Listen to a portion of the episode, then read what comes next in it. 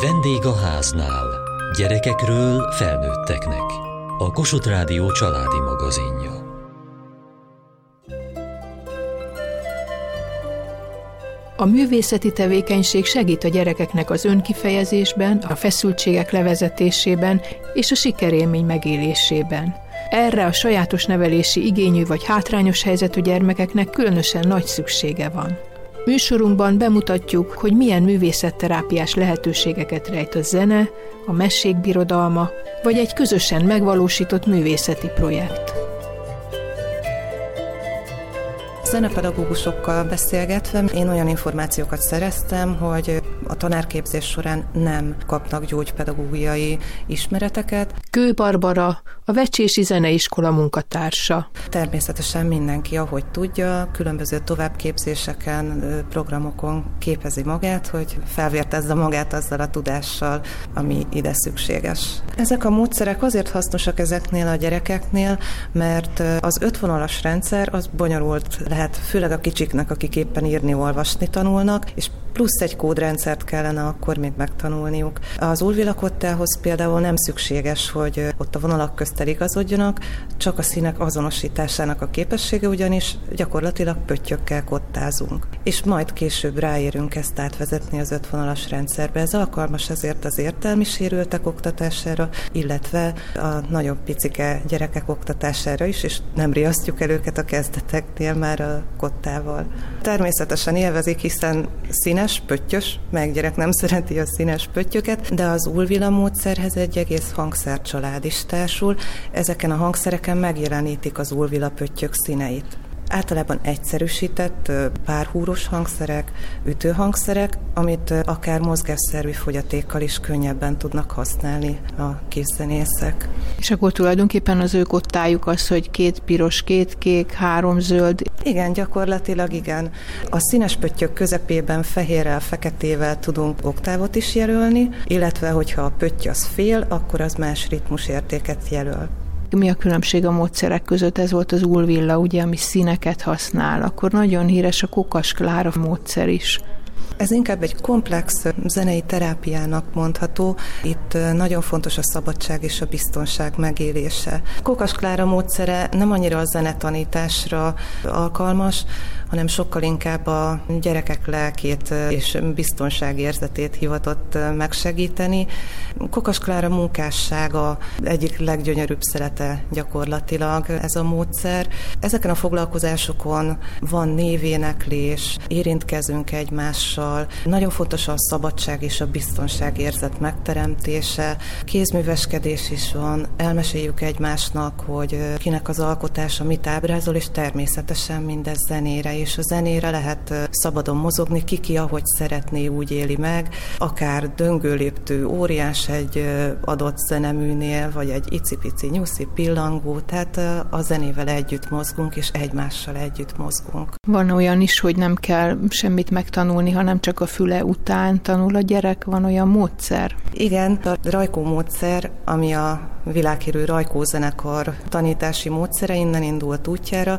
Ugye azóta több ezer tehetséges zenész indult el a pályáján a módszer segítségével. Ez tulajdonképpen azt takarja, hogy kézről kézre tanítjuk a gyereket, nem használunk eleinte kottát, hanem kicsi részletenként, pár ütemenként tanulja meg a darabot a növendék, úgy, hogy közben látja a dinamikát is, sőt, akár tényleg az érzelmeket is át tudja adni a zenepedagógus ezzel a módszerrel, és a kicsi egységeket fűzzük egyre nagyobba, ez ugye fejleszti a memóriát is, és a kottolvasás természetesen itt is majd meg fog jelenni, de először a hangszerrel ismerkedik a gyerek, és a zene öröméért zenél gyakorlatilag. Volt még a Kovács módszer.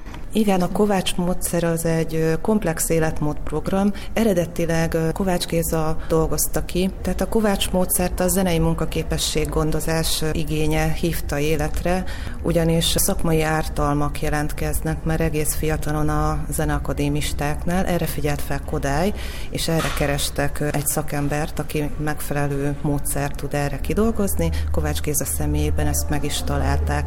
A módszer nagyon-nagyon összetett, komplex életmódprogram a rendszeres napi mozgásra, az étkezések mienségére, minőségére is kiterjed, és zeneiskolában tudjuk alkalmazni olyan elemeit, ami a mozgásosak, ugyanis van benne például olyan gyakorlat az ujjak erősítésére és a szemkész koordináció javítására, hogy lufit ütögetünk. Hát ugye a gyerekek imádják a lufit, de van olyan akár, hogy reggel, amikor fel kell a lábújaival zongorázik egy kicsit, tehát mókás feladatok is, és ugye a mozgás nagyon-nagyon fontos mindennek az alapja. És a sajátos nevelési igényű vagy BTM-en gyermekeknél mozgásszervi problémák is előfordulhatnak, ami ugye eleve a világ megismerését befolyásolja, tehát a Kovács módszerrel nagyon jó karban lehet őket tartani, plusz vannak különböző gyakorlatok, gyakorlatok és mozgásos pihenők. Nagyon fontos, hogy megfelelő állapotban kezdjünk el zenélni. Megfelelő fizikai fitség, az oxigénállátás nem mindegy, és hogyha egy pár perc ilyen kis mozgásos pihenőt beiktatunk mondjuk a zeneórába, az nagyon jól meg fog térülni a későbbiekben, mert sokkal koncentráltabb a gyermek.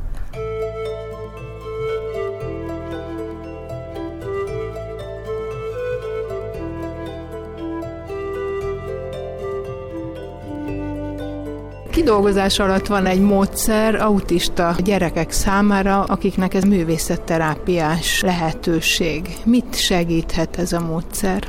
Alapvetően most nagyon sok olyan gyerekkel dolgozom, akik integrációban tanulnak, tehát jó képességeik vannak, jó értelmi képességeik, beszédkészségük, viszont nagyon nincsenek jól az integrációban a szociális problémáik miatt. Krus Sarolta, művészetterapeuta. Nekem a legfontosabb az volt ezzel a programmal, hogy a szorongás szintjük csökkenjen, és ügyesedjenek a szociokommunikációs helyzetekben, és ezáltal könnyebb legyen a mindennapjuk az iskolában.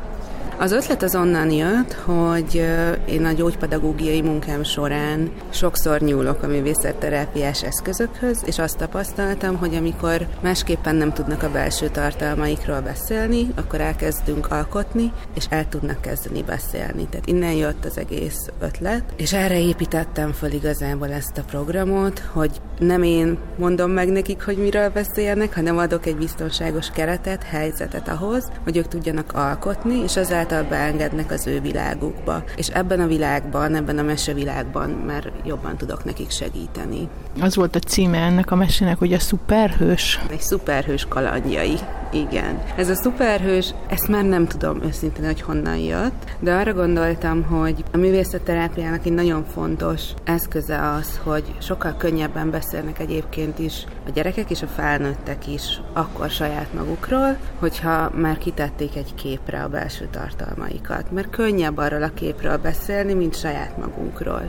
Igazából csak egy karaktert szerettem volna, amit ők találnak ki, hogy milyen szuperereje legyen a szuperhősnek, hogyan nézzen ki, tehát hogy valahogy magukénak érezzék ezt a karaktert, és ezáltal sokkal jobban beleélik magukat a folyamatba, és sokkal könnyebben megtanulják azokat a dolgokat, amit egyébként egy autizmus specifikus terápián is szeretnénk nekik megtanítani.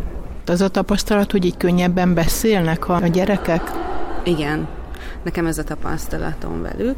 Azért azt kiemelném, hogy nem elhanyagolható az specifikus terápia, tehát hogy ezt mint kiegészítő terápiaként lehet alkalmazni, és nem minden kisgyerek nyitott a művészeti ágakra, de azért a legtöbb, akivel én dolgozom, ez most nem egy ilyen tudományos adat, ezek az én tapasztalataim, ők fogékonyak erre, és hogyha valamit a kezükkel közben tudnak csinálni, akkor könnyebben elkezdenek mesélni.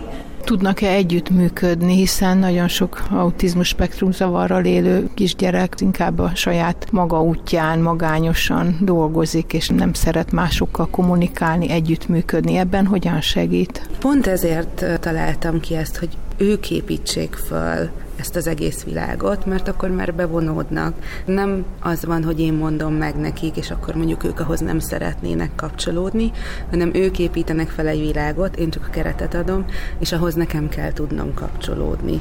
Párba voltak ezek az alkalmak, tehát párosával dolgoztak a gyerekek, így nem volt annak lehetőség, hogy teljesen túltelítődjenek, csak ketten egy-egy emberrel kellett együttműködni. És ebben a helyzetben, ami egy picit ilyen kinagyított helyzet, nyugodtabban tudják megtanulni a szociális készségeket, és utána ezeket már tudják alkalmazni jó esetben más helyzetekben is. Tehát ők nem azért nem szeretnének kapcsolódni, mert ők nem szeretnének, hanem azért, mert nem tudják, hogy hogyan kellene. És ebben kell nekik egy hidat képezni és segíteni őket.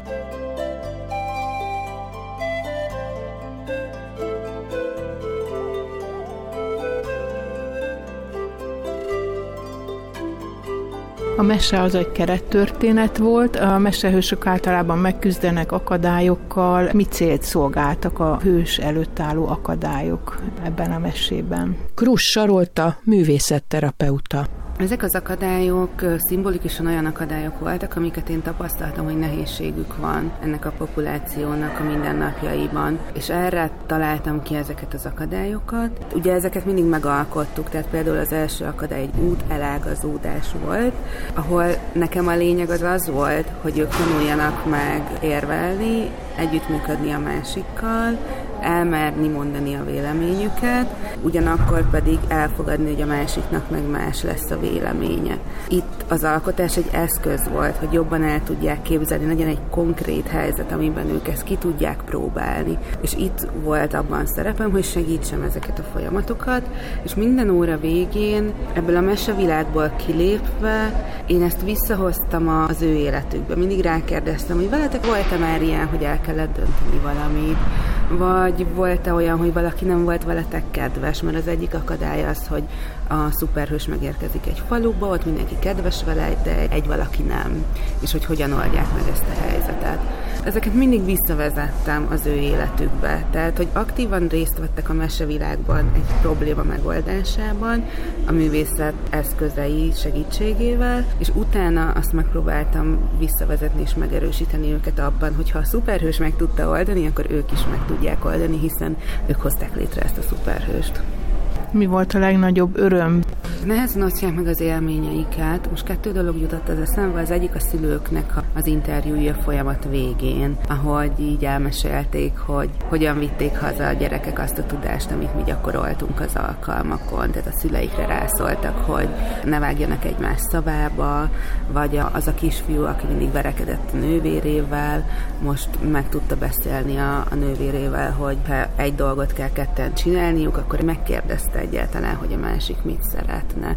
Ezek ilyen apró dolgoknak tűnnek, de ezek nagyon nagy sikerélmények illetve volt egy kisfiú, aki nagyon nehezen volt bevonható, de nagyon-nagyon kreatív volt, és ő például a félelmek szakadékánál az volt a válasza, hogy hát hogyha elképzeljük, hogy nem félünk, akkor már nem is fogunk félni, és átjutunk a másik oldalra. És ez egy annyira bölcs mondat volt egy 7 éves érintett kisfiútól, hogy nagyon sok ilyen szép pillanat volt, ami egyébként nem biztos, hogy előjött volna ebből a kisfiúból, hogyha nem ebben a biztonságos keretben van benne ez a feladat. Azt hogyan lehet feltérképezni, hogy mi az aktuális gondjuk ezeknek a gyerekeknek, tanulóknak, mi köré fonódjon a mese? Ez egy kikérdezés, megbeszélés, vagy a fejlesztő munkája során veszi észre, hogy mi az, ami aktuálisan foglalkoztatja őket?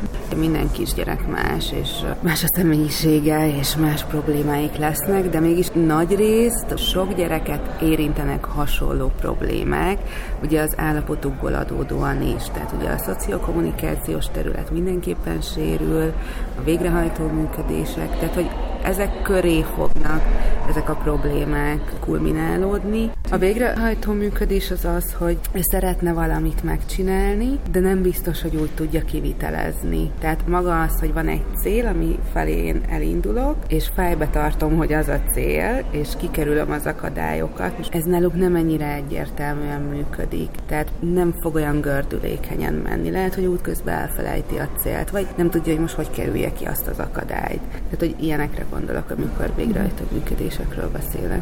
Úgyhogy én magukat a, az állomásokat, a problémákat, ugye amiket hoztam a szuperhős útja során, azokat már előre kitaláltam, tehát hogy azok nagyjából megvoltak, és azok a tapasztalataimból adódtak. Elég sok gyerekkel dolgozom együtt, és ismétlődnek ezek a problémák, illetve ugye a korosztálytól is függ, hogy ők most éppen milyen fejlődési szakaszban vannak, és hogy ők most kerültek át óvodából iskolába, tehát hogy azért is van az, hogy egyik városból a másikba megy át a szuperhős, és a viselkedéses szinten látunk valamit mondjuk egy érintett gyereken, de a mögött egy idegrendszeri elváltozás van. Én ezt a szülőknek úgy szoktam mondani, hogy más úton fejlődött az ő idegrendszere, és ebből kifolyólag a gondolkodása az nagyon sajátos lesz egy-egy gyereknek minden gyereknél ez lehet más. Tehát ha autizmus spektrum zavarról beszélünk, ott nagyon nagy a variálódás abban, hogy kinek mi lesz a nehéz, miben lesz egy picit rugalmatlanabb a gondolkodása, miben lesz érzékeny akár hangokra, akár szagokra, akár tapintásokra, vagy éppen egyáltalán nem érzékeny, és nem érzi a saját fájdalmát. Tehát, hogy ezeket mind-mind segíti egyébként az, hogy a művészetterápiában több médiummal dolgozunk, tehát egy kicsit úgy hozzá tud szokni egy-egy anyaghoz, ha nagyon nem szeretné, akkor választhat más, tehát hogy van lehetőség ebben ezekkel dolgozni.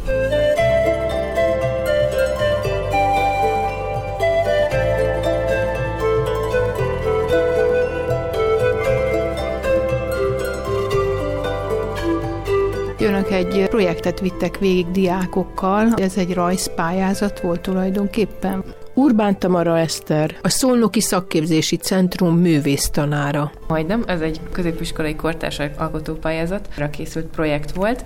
Ugye ez majdnem egy teljes tanévet ölált fel. A Ludwig Múzeum által kiadott téma a food, mint étkezés volt. Itt a mi diákjaink ezen a témán belül, az étkezés témáján belül a húsfogyasztást dolgozták fel, mint egy körforgás, és ehhez készítettek egy installációt, amit a Deák 17 galériában volt korábban kiállítva. Boldizsár Molnár Györgyi, a Szolnoki Szakképzési Centrum művésztanára. Hát ez egy egy méter széles és 7 méter hosszú papírtekercsre készült kollázs, és ezen a kollázson helyezkedett el az a fészek, amit otthonról hoztak a csirkeolból a szalmákat, tojások körülötte. A következő lépésben mint két szülő, tehát egy kakas és egy tyúk sétált, aztán a következő része az installációnak már ugye maga egy bárd és egy vágódeszka volt, tehát ő, ez jelentett itt most a számukra itt a mészárszéket, ugye a következő lépésben már az asztalon tálalják őket, mint a napfogása. Külön díjat kaptak a gyerekek, legjobb ökológiai szemlélet külön díjat nyerték el. Hány éves korosztály vett részt ebben a projektben? Öt fő vett részt, 15-16-17 évesek, és mi ketten, mint felkészítő tanárok. Első körben ők szerettek volna részt venni, és mi csak ösztönöztük és motiváltuk a munkásságukat. Mindenféleképpen szerettek volna reflektálni a társadalmi helyzetükre, azon belül is a húsfogyasztás körforgására. Ők hátrányos helyzetű gyerekek? Igen, tehát vannak közöttük kettő és három más hátrányos helyzetű gyerekeink is. Ugye a projekt készítése során, amikor már tudatos volt bennük, hogy mivel szeretnének foglalkozni, hiszen mindannyian olyan közegből jöttek, ahol állatot tartanak még otthon, vagy korábban tartottak, tehát senkitől nem volt idegen sem az állatoknak a gondozása, sem azoknak a feldolgozása. Tehát a úgymond csúnya rész, amit mi ugye a boltban nem tapasztalunk meg, hiszen mi készen veszük a húst, ők ugye ebben is benne vannak, és szerették volna ezt is beleépíteni ebbe a, a látványba direkt kértük a gyerekeket, hogy újra felhasználják azokat a dolgokat, amiket otthon találnak, és pont ezért készültek a tyúkok méhész drótból, illetve újra hasznosított részkábelekből. Volt a gyerekek részéről visszajelzés, mi az, amit ők megfogalmaztak, hogy mit tanultak ebből? Első körben magabiztosságot tanultak, ugyanis nem volt még nekik ilyen élethelyzetük, hogy például élő közönség előtt prezentáljanak, illetve azt a csapatmunkát, amit ők végigvittek októbertől márciusig, azt is nagyon szépen fejlesztették, hogy hogyan tudnak együtt dolgozni. Az iskolai órákon kívül, tehát ilyen fakultáció alapján készítették el a installációjukat, tehát ez olyan napi két-három óra hosszát vett igénybe. Boldizsár Molnár Györgyi, a Szolnoki Szakképzési Centrum művésztanára. Azt vettük figyelembe, hogy ez a generáció sokkal jobban értékeli azt a féle interakciót, amit mi tudunk nekik biztosítani, sokkal jobban szeretnek beszélgetni, mint adott esetben a mi generációnk annak idején. Azért ez elég sok óra számban történt ez a projektre való felkészítés. Az iskola ad teret erre a lehetőségre? Igen, abszolút. Általában mindig tudnak minket támogatni ez ügyben, hogy órán kívül meg tudjuk a gyerekekkel valósítani ezeket a pályázatokat. Ami nagyon fontos számunkra, hogy szellemi támogatást is sokat adnak a kollégáink, tehát ezt úgy kell elképzelni, hogy mind a gyerekeknek, mind nekünk, hogyha segítséget kérünk akár a prezentációknak az átnézéséhez, vagy a gyerekeknek a szóbeli felkészítéséhez, akkor a magyar tanárokra, a drámapedagógusokra, bárkire számíthatunk, illetve a vezetőség felől is támogatnak szülők mennyire vettek részt a projektben? Nagyon nagy szerencsénk volt ebből a szempontból, a szülői háttér is támogató volt. Mind az öt gyerkőcnek a, a szüleire elmondhatjuk, hogy nagyban segítette a munkákat, lehetőséget adtak és teremtettek nekünk. Milyen visszajelzéseket adtak a gyerekek? Szeretnének-e még részt venni ilyen projektekben? Igen, szeretnének részt venni. Nagy megmérettetésnek tekintették, és mivel átugorták a saját gátjaikat, úgy gondolják, hogy a közeljövőben is majd megpróbálják ezeket a pályázatokon való részételeket teljesíteni.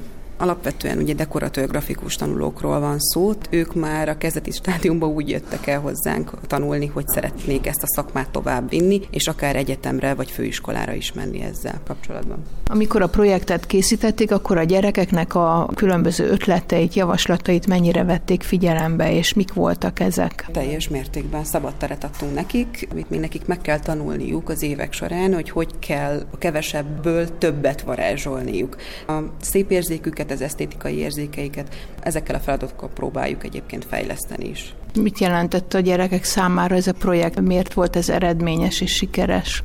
Azt figyeltük meg, hogy a projekt folyamán a képi világuk kiteljesedett, magabiztosabbá váltak sokkal az iránt, hogy a művészetüket kifejezni tudják, és ezáltal reflektálni tudjanak a körülöttük élő világra is.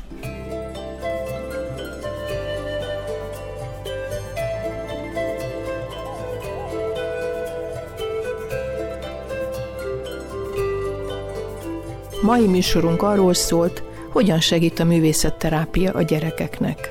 Kövessék műsorunkat podcaston, vagy keressék adásainkat a mediaclick.hu internetes oldalon. Várjuk leveleiket a vendégháznál kukac mtva.hu e-mail címen. Műsorunk témáiról a Kossuth Rádió Facebook oldalán is olvashatnak. Elhangzott a vendégháznál. Szerkesztette Kataluccio Andrea, a gyártásvezető Mali Andrea, a felelős szerkesztő Hegyesi Gabriella.